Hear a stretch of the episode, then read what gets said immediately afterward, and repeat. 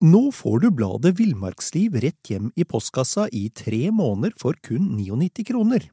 I Villmarksliv kan du lese om norsk natur, ærlige tester av klær og utstyr, og mange gode turtips skrevet av erfarne friluftsfolk, fiskere og jegere. Send SMS VILL36 til 2205 og motta bladet allerede neste uke. Lev livet villere med bladet Villmarksliv. Hey, it's Danny Pellegrino from Everything Iconic. Ready to upgrade your style game without blowing your budget? Check out Quince. They've got all the good stuff shirts and polos, activewear, and fine leather goods, all at 50 to 80% less than other high end brands. And the best part?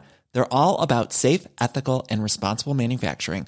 Get that luxury vibe without the luxury price tag. Hit up quince.com slash upgrade for free shipping and 365 day returns on your next order. That's quince.com slash upgrade.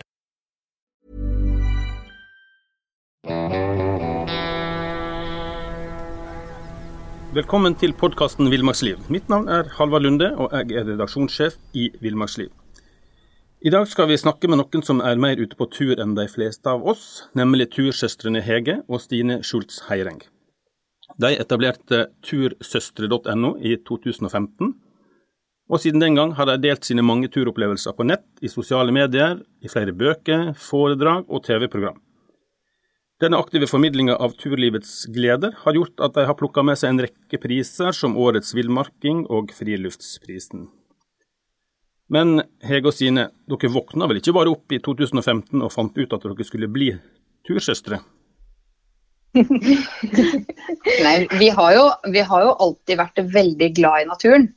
Og da vi var barn, så tok besteforeldrene våre oss med på soppturer og bærturer.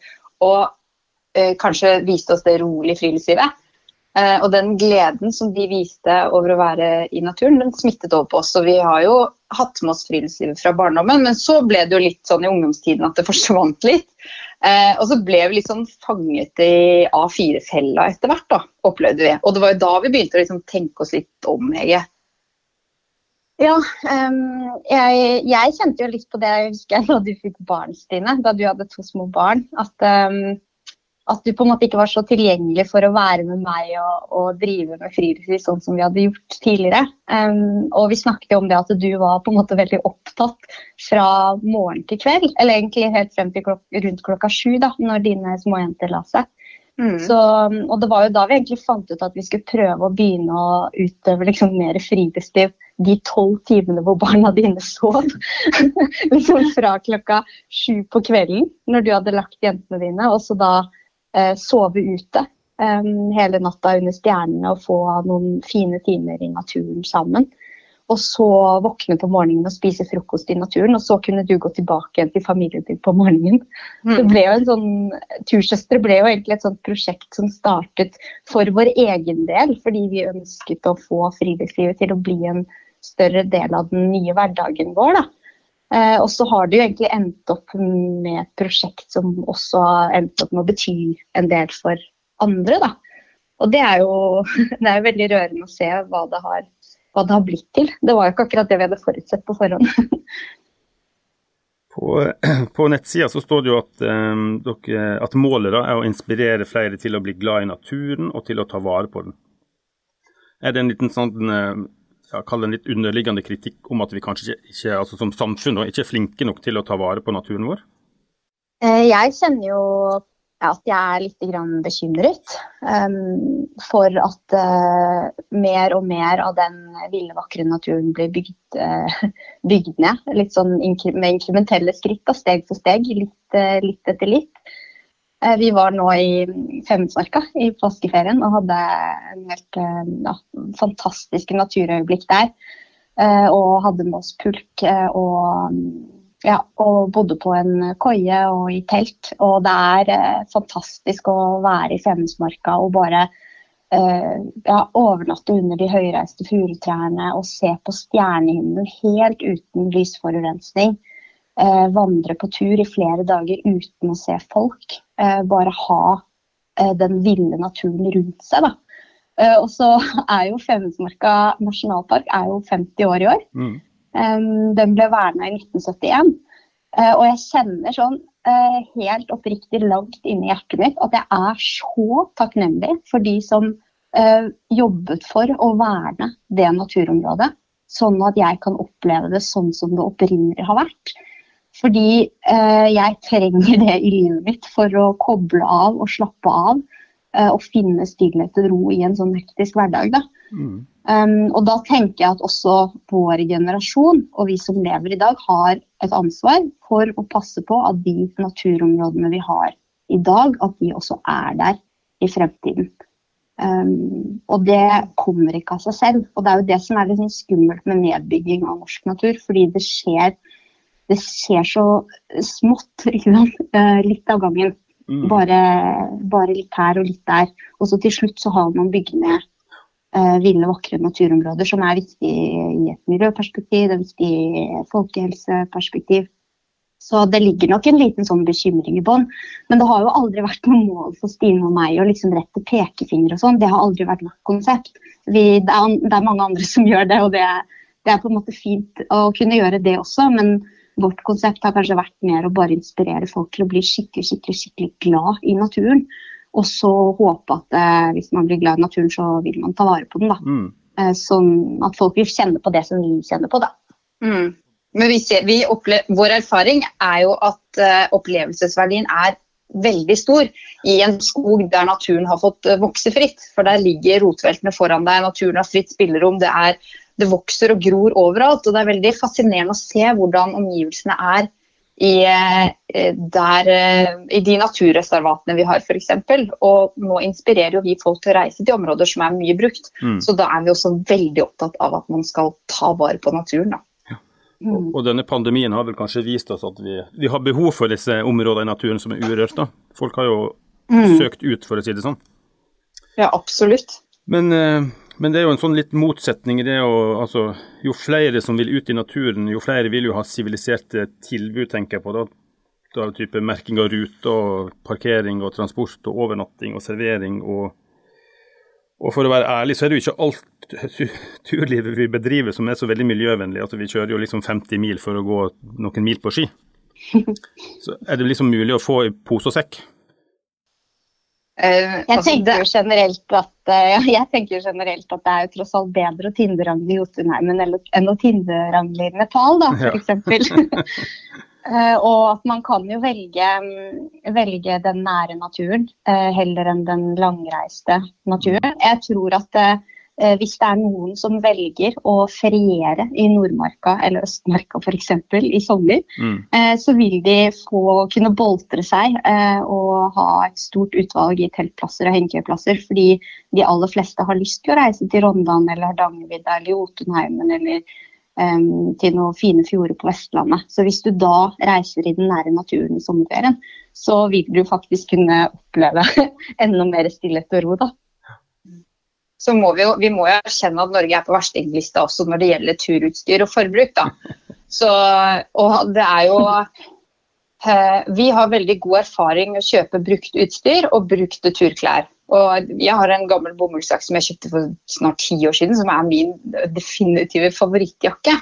Og vi ønsker å vise og inspirere flere da, til å kjøpe brukt og til å ta vare på utstyret sitt. Fordi mange av de som driver med friluftsliv i dag, de, har på en måte, de er eh, ikke nødvendigvis rekruttert sånn gjennom familien eller generasjonene. De er kanskje rekruttert gjennom sosiale medier eller gjennom venner. Og da har man på en måte ikke fått den der opplæringen. Da. Vi, jo, vi fikk jo skopussesett i julegave av mamma.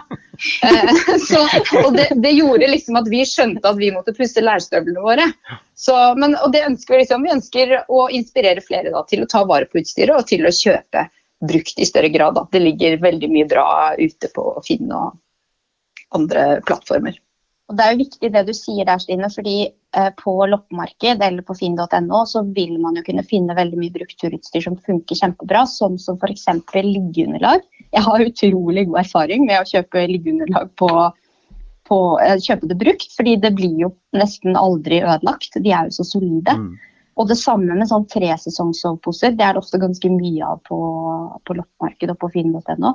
Men sånn som eh, noe turutstyr kan det jo være greit at eh, at du kjøper nytt. Eh, og jeg har jo i hvert fall tidligere hatt ganske mange turbukser hvor det har vært liksom noe feil med alle. At den ene har vært for stram og den andre for løs. Og den, den tredje den er liksom Ja, egner seg ikke pga. ditt eller datt. Men da jeg faktisk investerte i én ordentlig og solid turbukse, så har jeg bare brukt den. Eh, og den er brukt i mange år. Jeg bruker bare mm. den.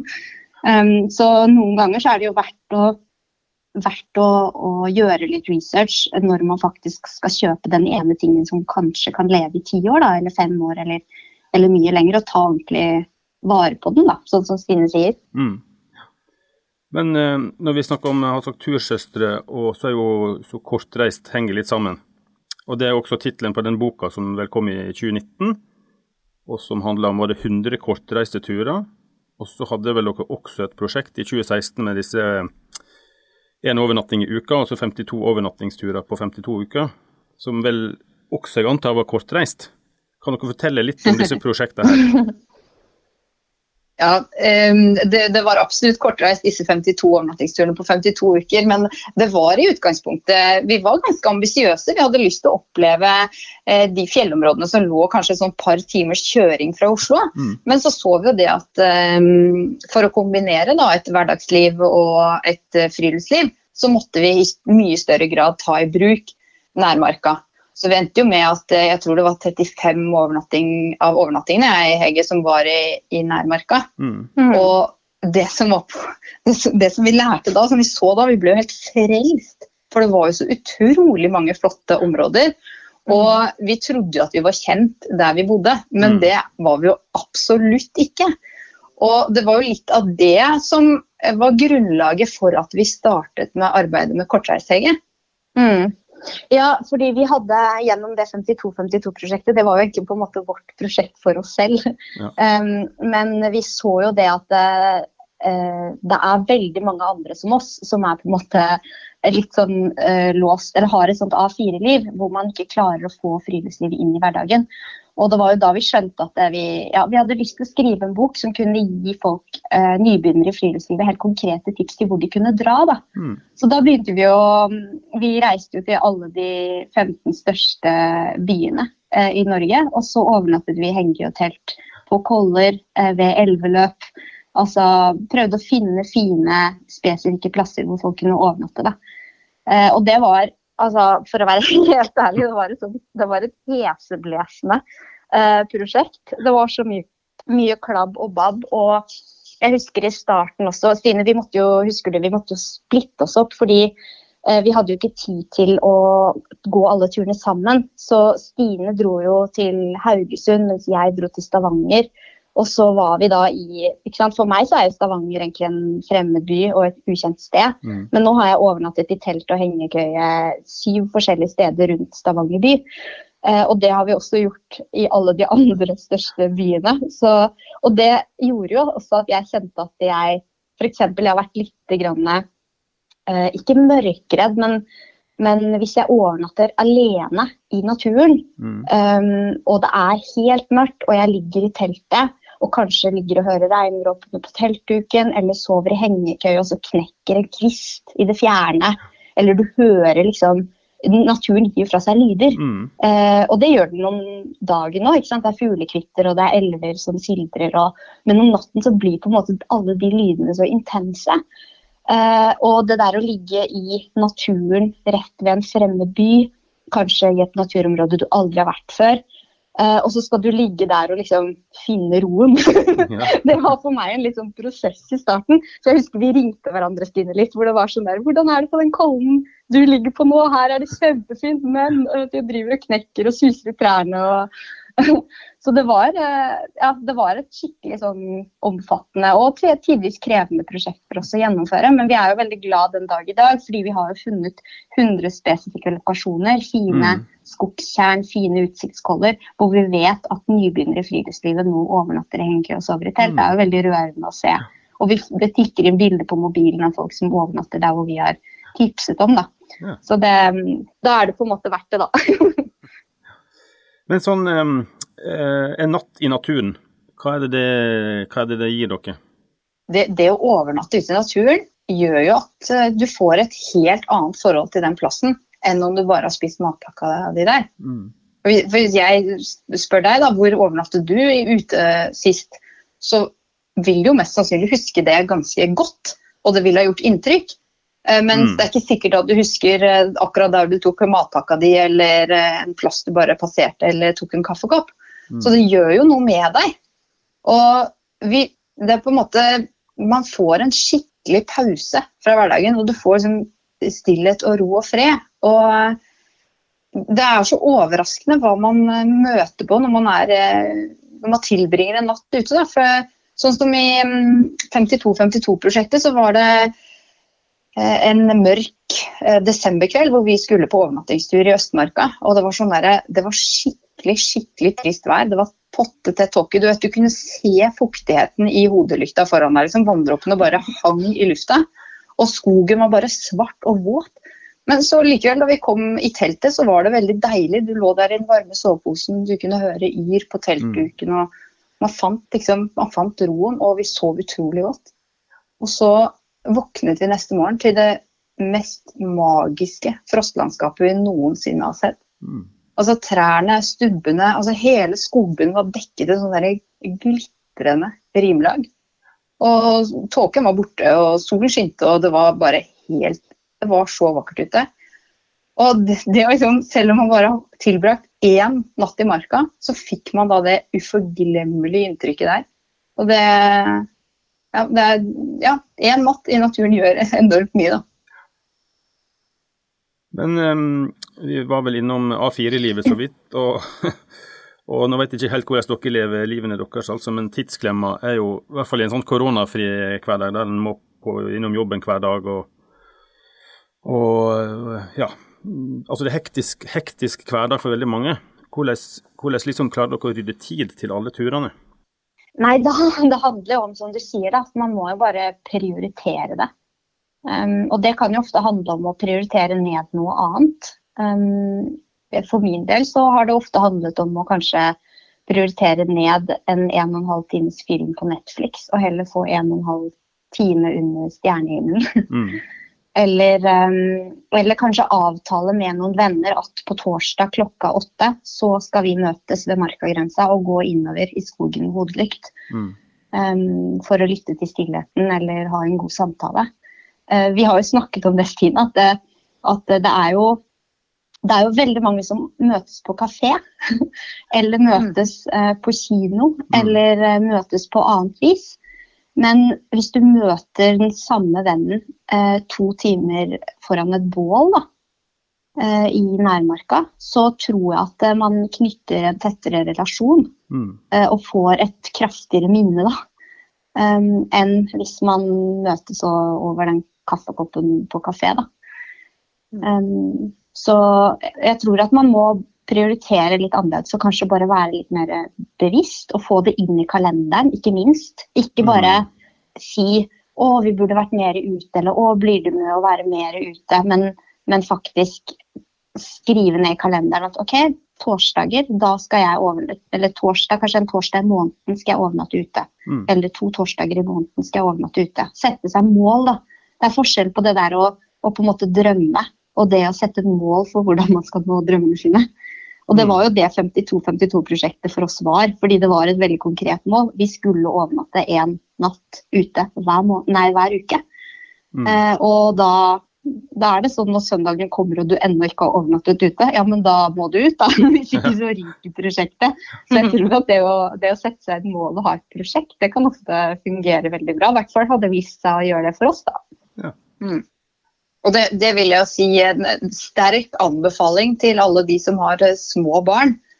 Det er eh, altså dra ut etter leggetid og få deg tolv timer i marka. Mm. Det, det vil jeg varmt anbefale. for veldig ofte så sover man mye bedre. Jeg gjør i hvert fall det. Det er min erfaring. Jeg slipper barn som gråter, Mm. mareritt, eh, altså bleieskift, eh, barn som våkner. Det er en gyllen anledning til å få seg en god natts søvn. Da. Og jeg er helt overbevist om at eh, hvis man eh, tar, den der, tar de tolv timene i marka, og du kanskje hører altså et eh, opplever naturøyeblikk som å, hvis du ser beveren spise kveldsmat i en vik, eller hvis du hører den massive trommingen fra svartspetten, da, Mm. så får du med deg sånne kjempeøyeblikk som det er verdt å dra ut for. Selv om det bare er fra åtte på kvelden til syv-åtte neste morgen. Mm. Men um, dere har jo vært to som på en måte har hengt sammen. Det, har det gjort det lettere å dra på tur? Altså Du har på en måte en, en, en søster som din beste venn, som du kan, eller beste turvenn, som du kan mm -hmm. lettere kanskje dra med deg ut. da. Er det på en måte et, et kanskje et, et smart grep da, for å komme seg ut, at en, at en finner seg en sånn likesinna som vil på tur? At med er to? det er i hvert fall eh, veldig fint å ha en søster som er en så god venn, og som man kan dra på tur med. Mm. Så vi er jo utrolig heldige sånn sett. Jeg er utrolig takknemlig for at um, Stine er så glad i å være på tur. Og det som er veldig fint med Stine også, er at hun er et veldig ja-menneske. Og er ekstremt initiativrik. Ja. Sånn at hun, hun, tar initiativ hele tiden og foreslår skal vi gjøre det, skal vi dra dit, skal vi gjøre det. Og så er jeg er en sånn person som ofte må tenke meg litt om før jeg sier ja. Der er hun og jeg litt forskjellige. Så, hun, så jeg sier ofte sånn Det hørtes ut som en god idé, jeg kommer tilbake igjen til deg i morgen. Og så må jeg tenke meg litt om, og så sier jeg som regel ja, da. Mm. Men det, du sier jo alltid ja, Hege. Du må bare tenke deg litt om først. Ja, det er faktisk sant. Og så er vi jo, ikke sant, Stine og jeg er også litt forskjellige, fordi Stine er, eh, hun har alltid vært hakket tøffere enn meg. Så hun kjører liksom litt brattere på ski og krysser elver der hvor elva er litt uh, breiere. Jeg vil gjerne finne det smaleste punktet over elva. Og, så vi er på en måte litt forskjellige også, og det gjør at vi, jeg tror vi utfordrer hverandre uh, litt også når vi er på tur. Og det kan ofte være fint, det der å ha mm. en turvenn som ikke nødvendigvis er akkurat sånn som deg. Så jeg tror at hvis man sitter hjemme og, og har du vet om en person som du gjerne kunne tenkt deg å dra på tur med, men du er litt redd for egen form, egen fysikk. De andre er mye bedre enn meg, de er på en måte sterkere eller noe sånt noe. Bare hiv deg med, fordi man lærer utrolig mye av det. da. Mm. Um, og de aller fleste har jo noen i vennekretsen som er friluftsinteresserte. Uh, og det, Vi har jo snakket om det tidligere, og hvordan skal man på en måte finne plasser å dra og oppdage nye turområder og sånn. Eh, altså Spør bekjente, spør mm. venner, send melding til folk du kjenner som er glad i å være på tur. Um, så det er alltid en fordel. Altså, det er veldig veldig hyggelig å være to.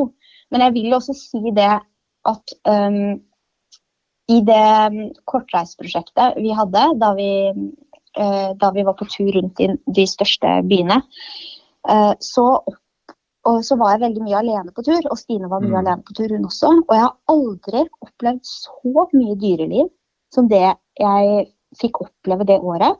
Og det er fordi jeg var så mye alene på tur. Mm. Fordi når Stine er med, hun skravler jo Men når det bare er meg, så er det jo bare meg og fuglekvitringen og dyrene. Og, og jeg har liksom hatt, jeg har hatt så mange opplevelser hvor jeg har hatt elg tett innpå. Jeg kommet liksom i nærkontakt med rådyr.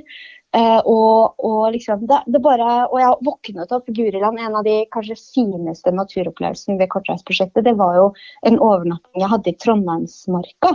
Mm. Hvor jeg egentlig skulle overnatte ved et uh, skogsvann. Men så nådde jeg ikke frem. Uh, og da endte jeg opp med å henge opp hengekøya rett ved ei myr. Og så våknet jeg opp, og dette var på det tidspunktet her cirka, det var, liksom, det var i slutten av april, da, begynnelsen av mai. Og så våknet jeg opp midt på natten av sånn korring og svorsing rundt meg. Og så skjønte jeg ingenting. og Først trodde jeg at jeg drømte. Og så titter jeg opp av hengekøya og ser rundt meg, og så har jeg våknet opp midt i en orrfuglleik. Og så er det masse orrfugl som jager hverandre ute på myra. Og jeg ligger der og er helt sånn sjokkert. Fordi folk leter jo hele livet etter fine orrfuglplasser, og så plutselig våkner jeg opp midt i en leik, helt alene. Og jeg tror ikke at det hadde skjedd hvis jeg hadde hatt noen med meg. Og jeg tror ikke det hadde skjedd hvis jeg ikke hadde vært litt sånn kreativ og tenkt OK, eh, jeg når ikke det vannet i dag, da bare henger jeg opp hengekøya her, midt ved ei myr. Det der å på en måte ikke alltid planlegge, men bare tasse litt innover i skogen eller gå opp på et fjell hvor du ikke har vært mm. før, og så bare la på en måte naturen bestemme litt for deg, det kan gjøre at du får veldig store naturopplevelser. da. Så det ja. mm. Eh, vi, har, vi har veldig god erfaring med å være på tur sammen. Men vi har også veldig god erfaring med å være på tur hver for oss. Og vi trives jo også med å være på tur alene. Eh, og jeg tror et godt råd til de som på en måte det at man er alene er en terskel for å dra på tur, så vil jeg kanskje anbefale dem å prøve å lære seg å like det å være alene. Mm. Fordi noen av de største turopplevelsene de får man når man går alene. og Man kan på en måte gå en kjent runde og utvide horisonten etter hvert. Mm. Så, men det fins jo også veldig mange fine måter å, å finne turvenner på, da. Hvis man, eh, hvis man, absolutt ikke har lyst til å få disse fine naturopplevelsene alene. ja. Hadde du ja, et konkret tips ja. der ja, et konkret tips der det er jo å melde seg på arrangerte turer. F.eks. i regi av Turistforeningen. Vi har jo selv meldt oss på mange sånne turer. Og vi hadde jo bl.a. en tur over um, hvor vi kryssa Finnmarksvidda på tvers. Det var riktignok ikke DNT, men det var et annet selskap. Mm. Og, og, ja, vi var jo 15 fremmede fjes som startet eh, vest helt i vest. Mm. Og så når vi kom eh, til østsiden, så var det jo på en måte 15 nære venner. Eh, vi hadde ledd sammen, vi hadde grått sammen, vi hadde sett nordlyset danse over himmelen, vi hadde fått stjernehimmel, vi hadde hatt dårlig føre, godt føre, vi hadde vært slitne, svette, sultne, eh, glade, mm. lykkelige, fått masse mestringsfølelse. Og da skaper du et veldig bånd, da. Så det der å, å dra på arrangerte turer, og så i etterkant være flink til å pleie de relasjonene, det er et godt tips, da. Mm, det var et godt tips. Og så tror jeg ofte at uh, det å invitere med seg noen venner ut på tur, det er et veldig godt råd. Fordi at det kan hende at det at du spør, det var mm. akkurat det de trengte for å komme seg ut av døra selv. Mm. Så at man kan ha litt lavere terskel for å invitere hverandre eller invitere seg med, det tror jeg eh, tror jeg alle har godt av, spesielt nå. Ja, absolutt. Men vi må Du snakket jo om hengekøye, og det er et tema vi må ta opp. Og dere var jo kanskje tidlig ute med denne trenden som eh, i hvert fall i, i fjor eksploderte, da. Eh, da hang det jo folk overalt. Men hva er det med, henge, hva er det med hengekøye som er så, så, liksom så, så, bra? Det gir jo en sånn inderlig nærhet til naturen å overnatte i hengekøye. Fordi man sover jo under åpen himmel. Eh, man har jo stjernehimmelen over seg og kan titte opp i tretoppene og, og få med seg at et ekorn hopper fra tre til tre. Det vil du ikke få med deg hvis du sover i telt. Og så er jo hengekøya den er lett i vekt og den tar liten plass i sekken og er rimelig pris. Og, mm. så kanskje en ting som vi har oppdaget, da, Stine, det er jo um, det med kupert terreng. At hengekøya er veldig velegnet for å overnatte i kupert terreng. Jeg bor jo uh, rett ved Nordmarka, mm. uh, og i naturen bak her hvor jeg bor, så er det bare altså Det er så kupert. Det er steiner, det er røtter, det er koller. Det er på en måte ikke en, det er ikke en eneste teltplass rett i nærheten her. Ja. Så jeg har overnattet veldig lite i naturen rett bak huset inntil jeg fikk meg hengekøye. Nå overnatter jeg masse, fordi plutselig kan man jo overnatte overalt. Mm. Men har dere noen tips til um til eh, hvor en kan finne disse hendene litt Dere har jo laga bok om det, men, men liksom noen sånne praktiske tips når du sitter og ser på kart og sånn, for å finne disse her idyllene der det er fint å henge og kanskje ikke fullt? Mm. Det, det, hjelper jo at man elsker å lese kart, da. Ja. at, man, at man syns det er kjempestas å titte etter brattskrenter og småvann, og nå har man jo muligheten til å zoome inn veldig detaljert. Eh, kanskje bruke satellittbilder, se etter åpne glemmer. Eh, så hvis man på en måte er det minste kartinteressert, så, så, er det jo bare å eh, zoome inn og se om man finner seg noen eh, småvann eller eh, interessante plasser. Jeg tror det er veldig, mm. et veldig godt råd er å være nysgjerrig. Mm. Følge, mm. følge et tråkk eller et høydedrag og ikke gå hovedstiene. fordi da dukker det opp perler når du minst venter det. Så vær, vær nysgjerrig. Mm. Jeg husker en opplevelse Stine og jeg hadde i Rondane nasjonalpark. Hvor vi var, vi var på Rondasbu, på DNT-hytta der inne. Og, og, det var stappfullt av folk. Dette her var jo før koronatiden. Det var mm. så mye folk der at veggene bulte jo nesten. Og så snakket vi med folk over middagen. Hva er det dere skal? Hvor skal dere gå? Og alle skulle liksom gå 2000 meters topper. da. Mm. Og så satt Stine og jeg i peisestua og så på kartet, og så snakket vi om hvor vi skulle gå dagen etter. Og så fant vi en topp som var 1996 meter over havet, og som ikke hadde noe navn. Og så tenkte vi den, den tar vi. og da var det jo ikke et eneste menneske på den toppen, mens alle gikk jo liksom i saueflokk opp til de Mm. samme toppene. Så jeg tror at um, hvis alle går til høyre, det å, å tørre å gå til venstre, eller kanskje tre ut av stien et lite øyeblikk Mm. uh, for å finne en, eh, et skjult skogsvann, um, det kan være ja, det der å, sånn som Stine sier, være nysgjerrig eh, og prøve å tenke litt annerledes enn alle andre, da. Ja, vi er jo et flokkdyr, så vi søker kanskje litt sånn trygghet i å på en måte Mm. gå der andre har gått, da. Mm. Men eh, når en skal sove, eh, sove en natt i hengekøye, har dere noen sånn konkrete, enkle, praktiske tips for å få en, liksom, en god nattsøvn? Gjerne både sommer- og vinterstid. da. Nå får du bladet Villmarksliv rett hjem i postkassa i tre måneder for kun 99 kroner. I Villmarksliv kan du lese om norsk natur, ærlige tester av klær og utstyr, og mange gode turtips skrevet av erfarne friluftsfolk, fiskere og jegere. Send SMS VILL36 til 2205 og motta bladet allerede neste uke. Lev livet villere med bladet Villmarksliv. Hi, I'm Daniel, founder of Pretty Litter. Did you know cats tend to hide symptoms of sickness and pain? I learned this the hard way after losing my cat, Gingy. So I created Pretty Litter, a health monitoring litter that helps detect early signs of illness by changing colors, saving you money and potentially your cat's life. Pretty Litter is veterinarian developed, and it's the easiest way to keep tabs on your fur baby's health right at home. Go to prettylitter.com and use code ACAST for 20% off your first order and a free cat toy. Terms and conditions apply. See site for details. Ja, det- nå er det jo ganske mange som begynner å få litt erfaring med å overnatte i hengekøye. Men eh, det er jo et Kanskje, kanskje det viktigste er jo opp, oppsettet av hengekøya. At man liksom finner sin bue. Det er jo veldig Mm. mange som eh, mener mye om disse buene på hengekøyene.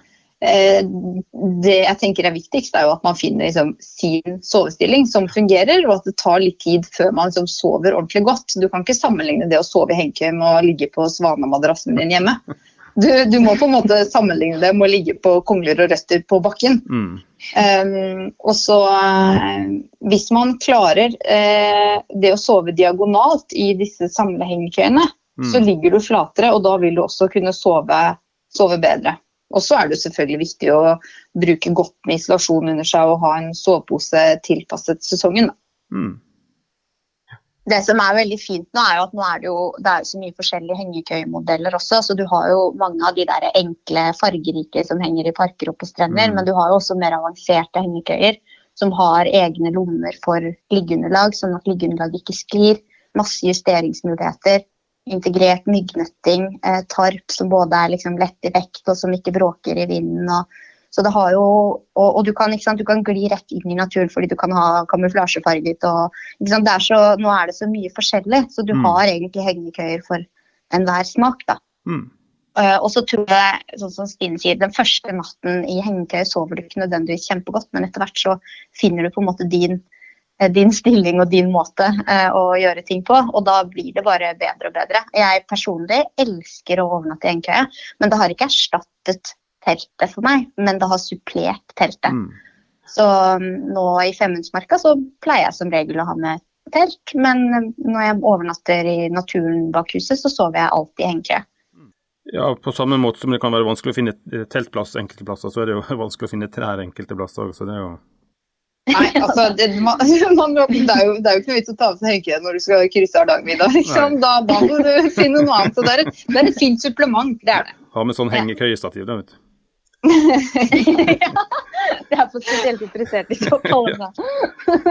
Men uh, dere har jo sovet, sovet ute veldig mange plasser i hengekøyer. Er det liksom én, én sånn plass som har brent seg inn i minnet, som liksom wow, det er den beste plassen, liksom mest spektakulære? Vi har jo, vi har jo e- et sted vi har overnattet som på en måte var en veldig spektakulær overnatting. Fordi at vi har overnattet i hengekøye over et digert juv. Um, og det, det ligger eh, nordvest for Oslo, og det er en sånn enorm dyp kløft eh, som heter Mørkomma. Ja. Og eh, over det juvet så festet vi da tau, og så festet vi hengekøyer under der. Og det var Um, ja, det var årets uh, korteste natt. Og det blåste noe forferdelig mye. Det var ordentlig vindfullt. Så jeg tror jeg var den eneste som hadde med ørepropper og som fikk sove noe sånn ålreit. Men det var, det var, virkelig en Det var en veldig stor opplevelse. Og vi var selvfølgelig festet i seler og ja. hadde ivaretatt sikkerheten, da. Men det var, det var ganske Det var en Det var en Stor opplevelse. Ja, for det er jo et, prosjekt en kanskje ikke bør eh, begi seg ut på hvis en ikke kan, kan, litt om klatring og sikring og sånn. Absolutt, Absolutt ikke. Men jeg må jo Men, si at Mørkonga er en veldig veldig fin dagsturdestinasjon. Um, og det er, som Stine sier, det er jo et, et utrolig spektakulært juv. Mm. Uh, og det er veldig mange fine hengekøytrær uh, rundt juvet og oppover i skogen der. Så man kan fint, og det var egentlig det som var planen vår, at vi skulle overnatte i hengekøye sånn som vi gjør på veldig mange forskjellige koller, med nydelig utsikt. Uh, men, uh, men, så fikk vi dette tilbudet om å overnatte over juvet, og det gjør jo at det på en måte ja, det var en så spesiell opplevelse at den har utvilsomt festet seg fast i minnene våre. og ja, det var mye adrenalin og endorfiner. det var det. Jeg svarte ja med en gang, og Hege tenkte seg litt om, og så svarte hun ja, hun også. Men, eh, Men det, det som var en... festlig da vi kom dit, da, Stine, er jo at jeg hadde jo da eh, ligget hjemme og tenkt gjennom alt, så jeg var jo ikke noe nervøs når vi først kom mm. dit. Men da ble jo du nesten overrasket og fikk litt sånn nerver. Fordi du kom litt sånn uforberedt happy go lucky. Ja. Men dere, dere, har ikke ligget på latsida siste året heller, for dere kom jo med en ny bok nå som heter 'Norges eh, beste turklassikere'. Og det er jo selvfølgelig en perfekt tima lansering nå for en ny, ny koronasommer der samtlige nordmenn skal ut og feriere i Norge. Kan dere si litt om hva slags bok dette er? Oh, dette her er en bok som eh, kommer eh, i butikkene nå i løpet av bare et par uker. Eh, og vi er utrolig spente, fordi nå har vi brukt fire år i hvert fall på boka. Vi var veldig opptatt av at hvis vi skulle samle de norske turklassikerne, så skulle vi gjøre det ordentlig. Um, så vi har brukt masse tid, og, og, målet med boka er jo å hedre de tradisjonelle, etablerte turklassikerne. Uh, som har vært der i over 200 år, og som, eller som har, nordmenn har besteget og beundret i over 200 år. Mm. Um, men også uh, å liksom tørre å løfte frem noen nye og spennende turklassikere for fremtiden. da. Eh, så vi syns jo den har blitt eh, råfin, men vi er jo selvfølgelig fullstendig inhabile. og så reflekterer vi jo litt rundt hvorfor, um, hvorfor turklassikere er viktig da, eh, for deg og meg og for, for friluftslivet i Norge. Hva turklassikere faktisk betyr for oss og kulturkulturen. Mm. Det, er jo, um, det er jo veldig mange som har vært på turklassikere med foreldrene sine, eller besteforeldrene sine, og som kanskje senere tar med barna sine dit. Mm. Så det er jo Og det er ofte turer som folk har hørt noe om lenge før de besøker de selv. Eh, og noen er jo gjerne kanskje den største turen du har gått i løpet av livet. Eh, og noen går mange klassikere, og andre har bare sett bilde av de. Mm. Men, um, men, vi hadde lyst til å, å samle de, da. Um, det er vel første gangen at noen har samlet alle, alle turklassikerne mellom, ja, mm. en, i en bok, da. Men med 50 sånn klassiske turer i sekken, så har dere vel kanskje opplevd litt, litt av hvert? ja, man møter jo på man, man, møter på veldig mange opplevelser i løpet av uh, alle disse turene. Og det er jo, det er klart det er jo det er veldig mye å velge, så det er på en måte vanskelig å skulle liksom velge ut noe. Mm. Men vi, det er jo um, De går jo i vill natur. Og jeg tenker kanskje um, En av turene i boka er uh, vårskiklassikeren Folgefonna på langs, som går da over Norges tredje største isbre. Um, og det en, vi var på en sånn tredagers tur Eh, over isbreen, hvor det er overnatting på DNT-hytter. Selvbetjente DNT-hytter, faktisk. Ja. Men eh, dag to, da vi var midt oppå breplatået, så blåste det fryktelig opp. Um, men eh, så siste del av etappen så gikk vi inn i hetta og eh, strevde med å holde oss eh, stående. Og så, men vi kom oss eh, heldigvis inn på den DNT-hytta som eh, ligger, ligger på en sånn der Nunatak i isbreen. Et sånt Ja. Fjellparti som stikker opp av breen. Utrolig fascinerende sted. Holmarskjær heter det der, den bua. Ja. Um, og den- er bardunert fast, så den ikke skal fly av gårde med, med vestlandsvinden. Det er helt eh, Men vi kom oss inn på hytta, så satt vi der og hørte det bare ulte rundt hyttehjørnet. Men så er det sånn at eh, utedoen den eh, er jo et lite steinkast fra bua, så for å komme dit så måtte man jo gå ut. Og da var det så kraftig vind at de som var veide under 70 kilo, de måtte ha med følge. fordi hvis ikke så ble de altså revet altså Døren bare reiv personen opp og dro dem av gårde. Så de måtte ha følge ut på do. Og så, når man først liksom kommer seg til den utedoen, da, og hvis du da kaster papiret ditt ned i do når det er ferdig, så blåser det opp og tilbake igjen i fjeset ditt.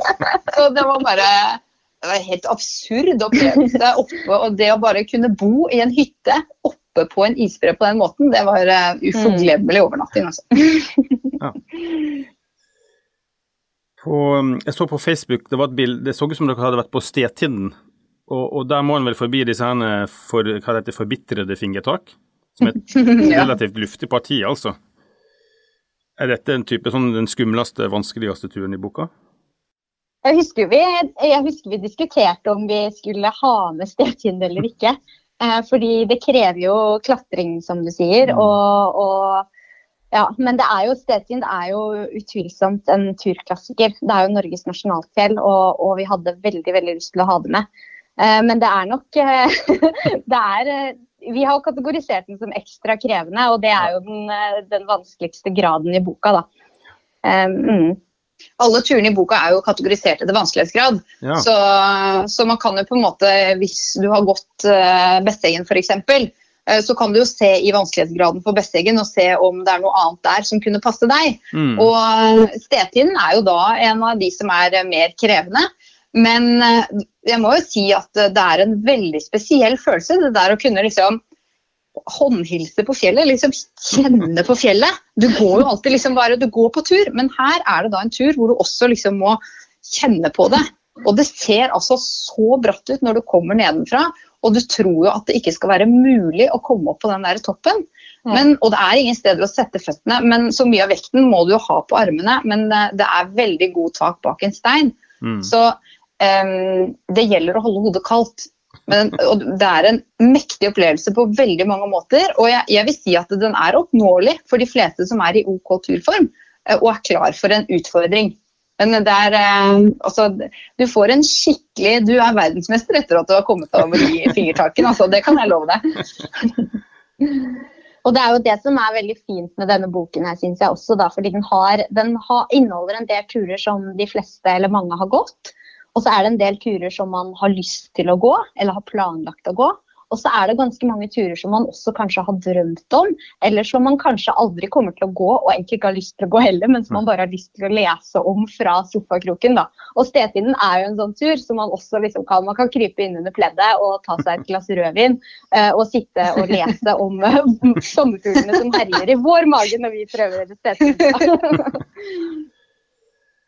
Eh, hvis dere må velge, dere, dere har jo vært på disse 50 klassiske turene nå, og så sikkert en haug av, eh, og en haug av andre turer. Hvis dere måtte velge liksom én tur, dette er vår favoritt, hva, hva hadde det blitt? Uh, og må, vi, må vi bli enige om igjen? Hva, hva sier du da, Hege? Det, Kan- vi velge en hver. nei, men det er jo synes veldig vanskelig å velge. å velge. Ja.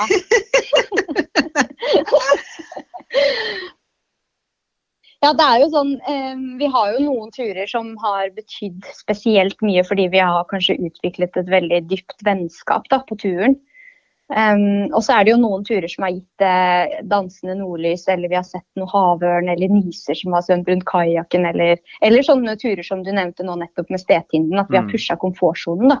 Så en tur kan jo bety veldig ulikt for folk, litt avhengig av hvordan man har opplevd den også. Jeg må personlig si at jeg eh, elsket å vandre trekanten i Trollheimen.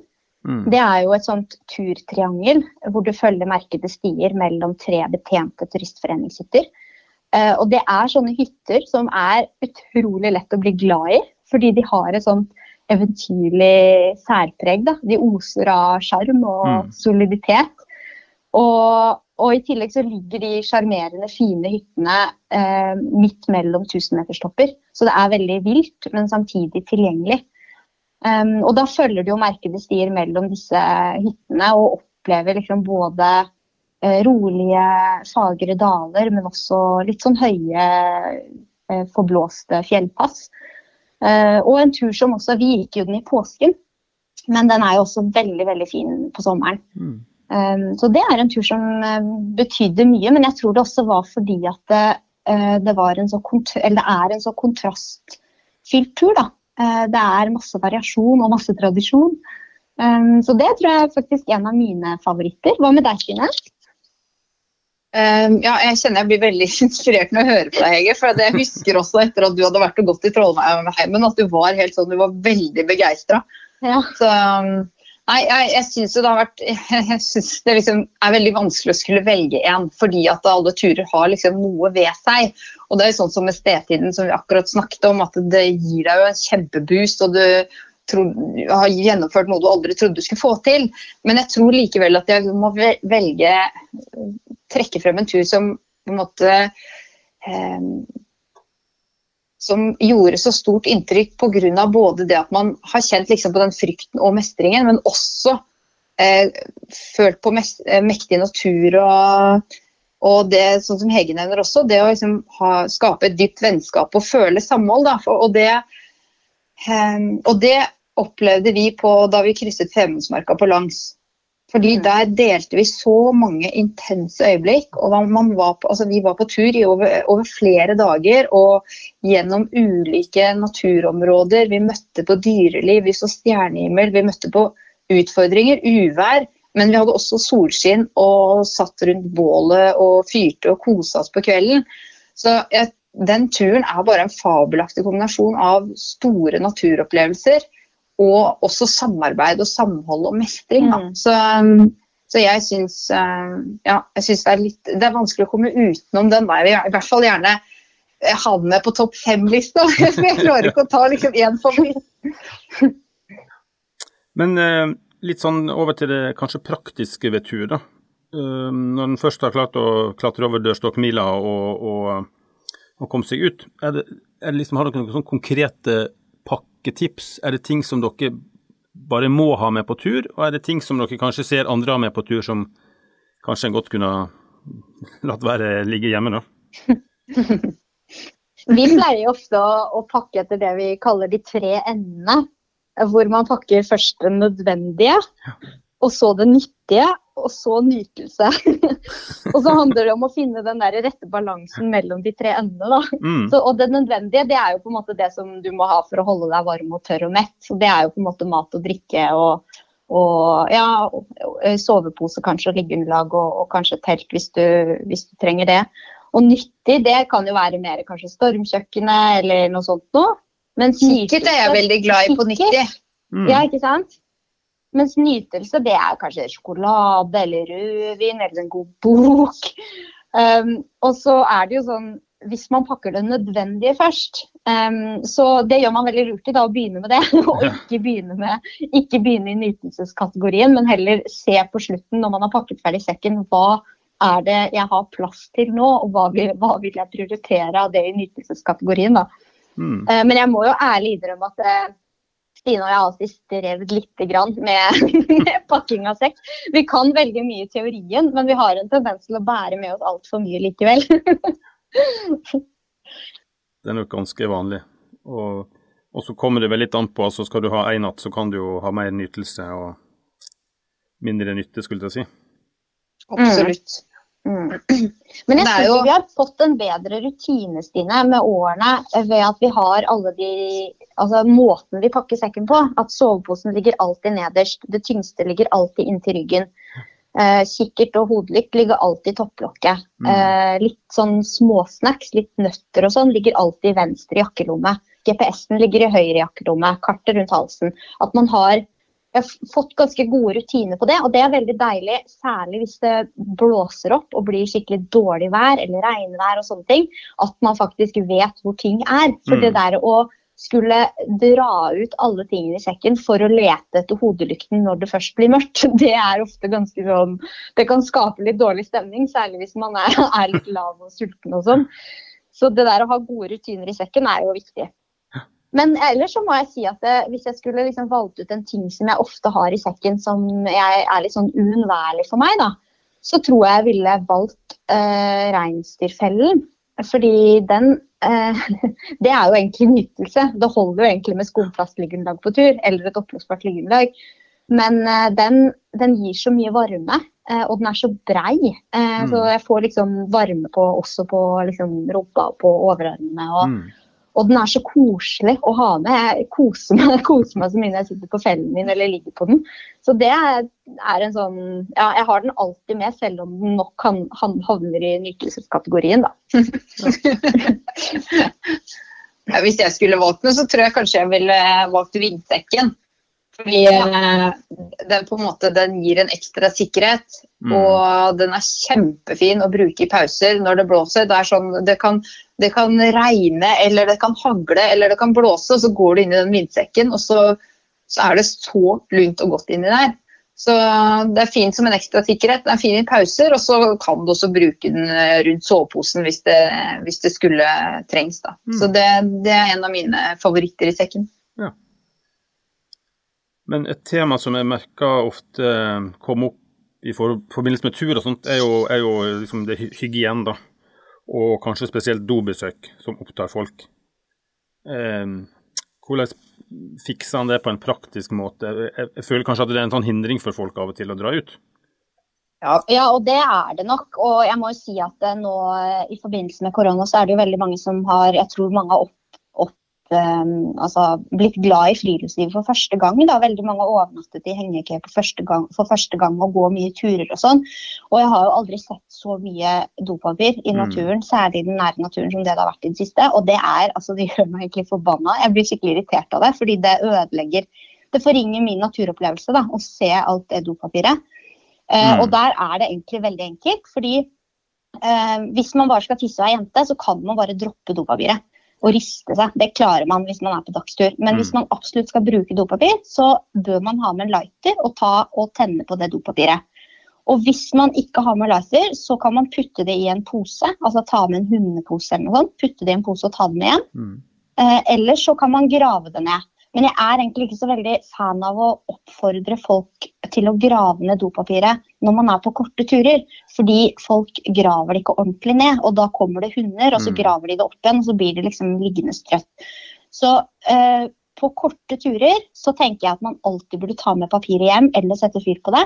Men på lengre turer, hvis man er i Femundsmarka f.eks. eller andre steder, så er det veldig praktisk å ha med en sånn eh, Det finnes jo sånne dos, sånn sammenleggbare dosbader som er kjempelett i vekt, og som tar veldig liten plass. Mm. Og så graver man et hull på 15 cm, 10-15 cm, og så gjør man det man skal nedi der, og dytter ned i dopapiret, og så graver man igjen. Eller tenner på dopapiret. Mm. Det, og jeg tror at hvis man har, når man går på tur, hvis man har en ziplock-pose eller en eh, vanntett pappose, og oppi der har man en dopapir, en lighter, en hundepose til det brukte dopapiret, eh, og en antibac kanskje, mm. eh, så er veldig mye gjort. Og jeg tror at det som er utfordringen, er at eh, folk vet ikke umiddelbart hva man skal gjøre.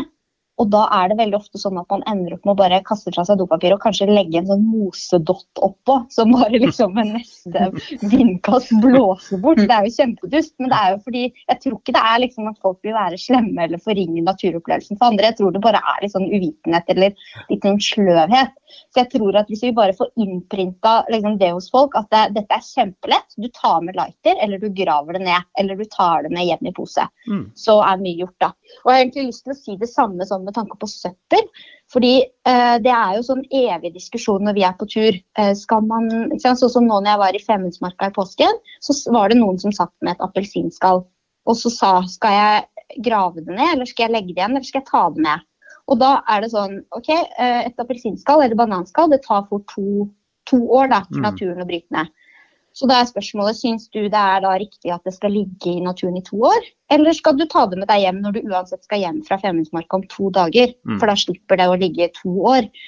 Um, og det er jo egentlig sånn at uh, papp, søppel, altså papp kan du jo uh, brenne i bålet. Organisk avfall, sånn som bananskall og appelsinskall, det kan du jo grave ned i naturen når du er i Femundsmarka f.eks. For, eksempel, for da vil det på en måte bli til jord, og det vil løse seg opp. Men um, mens sånn plast og eh, blikkbokser, hvis du har spist en brun sant? alt sånt må alltid tas med hjem. Og jeg tror at hvis du er veldig tydelig på de kategoriene, at plast og hermetikk tas med hjem, organisk avfall graves ned eller tas med hjem, mens papp kan du brenne i bålet, og dopapir og sånn, da eh, når du har det tydelig for deg, da slipper du å liksom sitte i naturen og tenke å, hvordan, hva skal jeg gjøre med dette? Mm. Du bare vet det. Du har en rutine fordi du har en søppelpose, og den ligger i høyre lomme på sekken, og der ligger den alltid. Og det er bare å dra frem den og putte det oppi. Så det, og jeg må si også at um, Stine og jeg har blitt spurt litt i media for vi har hatt noen saker i media um, hvor vi har blitt spurt om hva man gjør med avfall på tur, inkludert hva man gjør med dopapir. Og jeg syns ikke det er sånn kjempekult å liksom være Norges ambassadør for hva man skal gjøre med dopapir, liksom. Men, og vi har snakket om det, og bare åh, det er så kjedelig å sitte på God morgen Norge og fortelle hvordan folk skal grave et hull på 15 cm og putte dopapir oppi. Men samtidig så er det sånn, fader heller, hvis det, hvis det er det som skal til for at uh, man skal slippe å ha dopapir flytende i naturen, så gjør jeg gladelig det Mm. igjen og igjen og igjen. Jeg kjenner jeg blir veldig engasjert, da, fordi dette her er, det er så enkelt og det er så viktig. Ja, for har du først liksom enten det er hunden din eller at du sjøl har gått borti sånn, så er det relativt uh, ugreit, for å si det mildt. Ja, det er det. Men altså, vi går jo inn i en ny sommer. Uh, skal være i Norge de fleste av oss, tipper jeg. Og, um, og i fjor var det vel uh, Lofoten og deler av Vestlandet som der alle skulle til. Men hvis en skal planlegge årets ferie og kan si velge seg en del av Norge som, uh, som er kanskje litt ukjent og nytt og har mange gode turmuligheter, har dere noen konkrete tips der? Vi har jo forsøkt å gi noen råd tu til turklassikere med en vri i boka vår. Fordi at uh, de største turklassikerne er veldig besøkt. Men Man kan gjerne gå dit alle andre drar, men man kan uh, dra til et annet tidspunkt. Altså skal du, skal du til Nord-Norge, gå i midnattssolen. Ikke gå liksom midt på dagen når alle andre går. Mm. Hvis du skal på tur ellers i landet, stå opp klokka fem. Ofre den frokosten og kom deg av gårde før eh, alle andre drar. Nå, I år kommer det nok til å være mye folk overalt. og noe av det vi forsøker å vise med boka, er at det finnes alternative muligheter da, på de mest populære turene. Og det er også et eh, lurt tips å bruke et naboområde. Mm. Eh, kanskje dra til Sølen og ikke til Femunden. Mm. Dra til Huldreheimen og ikke Jotunheimen. Eller dra til Alvdal Vestfjell i stedet for Rondane. Mm. Og eh, noe av det vi forsøker å vise med boka, er at det finnes alternative muligheter. Og det finnes utrolig mange andre ikoniske og unike steder å besøke, og det er derfor vi også har løftet noen av disse eh, kanskje lokale klassikerne da, i, eh, i boka. Og det er absolutt ikke like folkefylt på alle de 50 turene i fellesferien. Da tenker jeg det gjenstår bare å be folk om å kanskje kikke etter den nye boka da, i eh, bokhandelen, og sikkert overalt der det blir solgt bøker. Finne fram norgeskartet og plotte inn årets eh, sommerferie og drømmeturer. Hege og Stine, takk for at dere delte, og da kan vi kanskje avslutte med å bare si god tur. Takk for at Ja. vi fikk komme, og god, god tur. for oss. God sommer, god tur.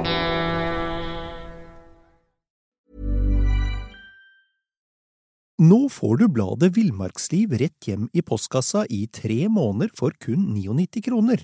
I Villmarksliv kan du lese om norsk natur, ærlige tester av klær og utstyr, og mange gode turtips skrevet av erfarne friluftsfolk, fiskere og jegere. Send SMS VILL36 til 2205 og motta bladet allerede neste uke.